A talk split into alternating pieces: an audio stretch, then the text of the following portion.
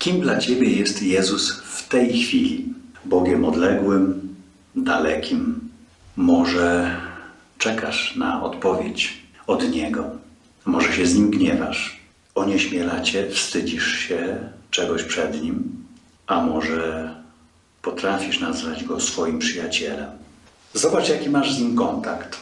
Jeśli już masz Jego osobiste doświadczenie, to nie wahaj się pójść za Jego wskazówkami. W czymkolwiek wybieraj tak, jak On nauczał, a zachowasz swoje życie od przegranej. Co znaczy iść za Nim? Pamiętaj o zasadach, których nauczał. Na przykład nie czyń drugiemu, co Tobie niemiłe, bądź uważny, roztropny, łagodny jak gołąb, przebiegły jak wąż. Chcesz iść za Nim? to ufaj mu zawsze i bądź wierny. Nie odchodź od jego wskazań, ani nie trać kontaktu z nim mimo trudności. Nawet wtedy, albo przede wszystkim wtedy, kiedy się potkniesz lub upadniesz. Mów do niego po ludzku. Proś o wsparcie. Uważnie obserwuj, co się z tobą dzieje. Zauważaj jego odpowiedzi.